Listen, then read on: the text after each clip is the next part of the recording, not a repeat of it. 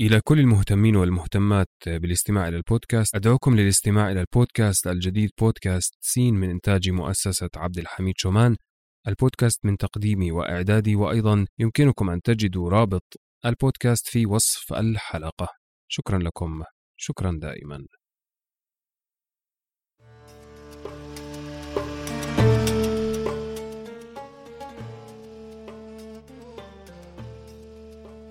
كان يا مكان في قديم الزمان وسالف العصر والأوان ملك يدعى شهريار يحب الاستماع إلى قصص الإنس والجان. وكانت جاريته شهرزاد تقص عليه في كل ليلة قصة. هذا بودكاست ألف ليلة وليلة الموسم الثالث.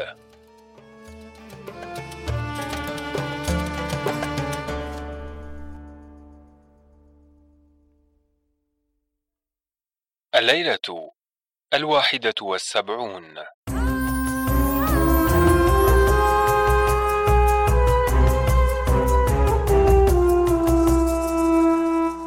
حكاية الملك عمر النعمان مع ولديه شركان وضوء المكان.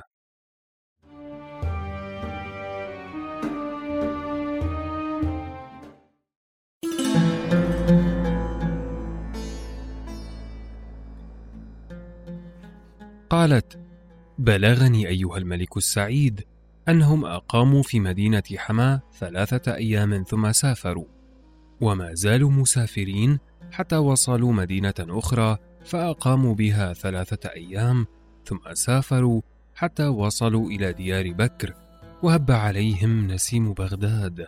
فتذكر ضوء المكان أخته نزهة الزمان وأباه وأمه ووطنه. وكيف يرجع إلى أبيه بغير أخته؟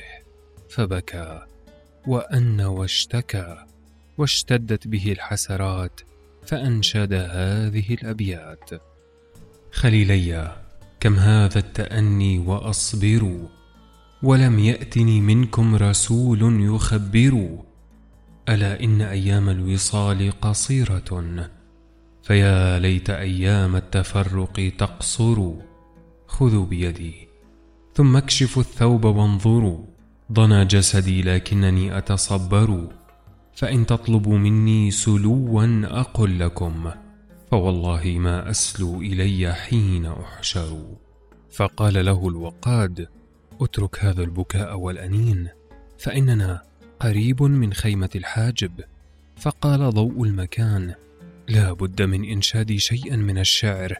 لعل نار قلبي تنطفئ. فقال له الوقاد بالله عليك أن تترك الحزن حتى تصل إلى بلادك وافعل بعد ذلك ما شئت وأنا معك حيثما كنت. فقال ضوء المكان والله لا أفتر عن ذلك. ثم التفت بوجهه إلى ناحية بغداد وكان القمر مضيئا وكانت نزهة الزمان لم تنم تلك الليلة. لأنها تذكرت أخاها ضوء المكان فقلعت وصارت تبكي. فبينما هي تبكي إذ سمعت أخاها ضوء المكان يبكي وينشد هذه الأبيات. لمع البرق اليماني فشجاني ما شجاني من حبيب كان عندي ساقيا كأس التهاني. يا وميض البرق هل ترجع أيام التداني؟ يا عذولي لا تلمني. ان ربي قد بلاني بحبيب غاب عني وزمان قد دهاني قد نات نزهه قلبي عندما ولى زماني وحوالي الهم صرفا وبكاس قد سقاني واراني يا خليلي مت من قبل التداني يا زمانا للتصابي عد قريبا بالتهاني في سرور مع أمان من لسهم قد رماني من لمسكين غريب بات مرعوب الجنان صار في الحزن فريدا بعد نزهات الزمان حكمت فينا برغم كف أولاد الزوان. فلما فرغ من شعره صاح وخر مغشيا عليه هذا ما كان من أمره.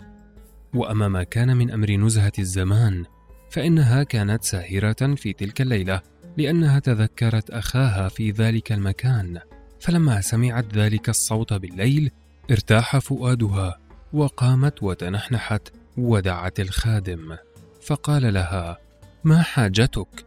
فقالت له قم وأتني بالذي ينشد هذه الأشعار. وأدرك شهرزاد الصباح فسكتت عن الكلام المباح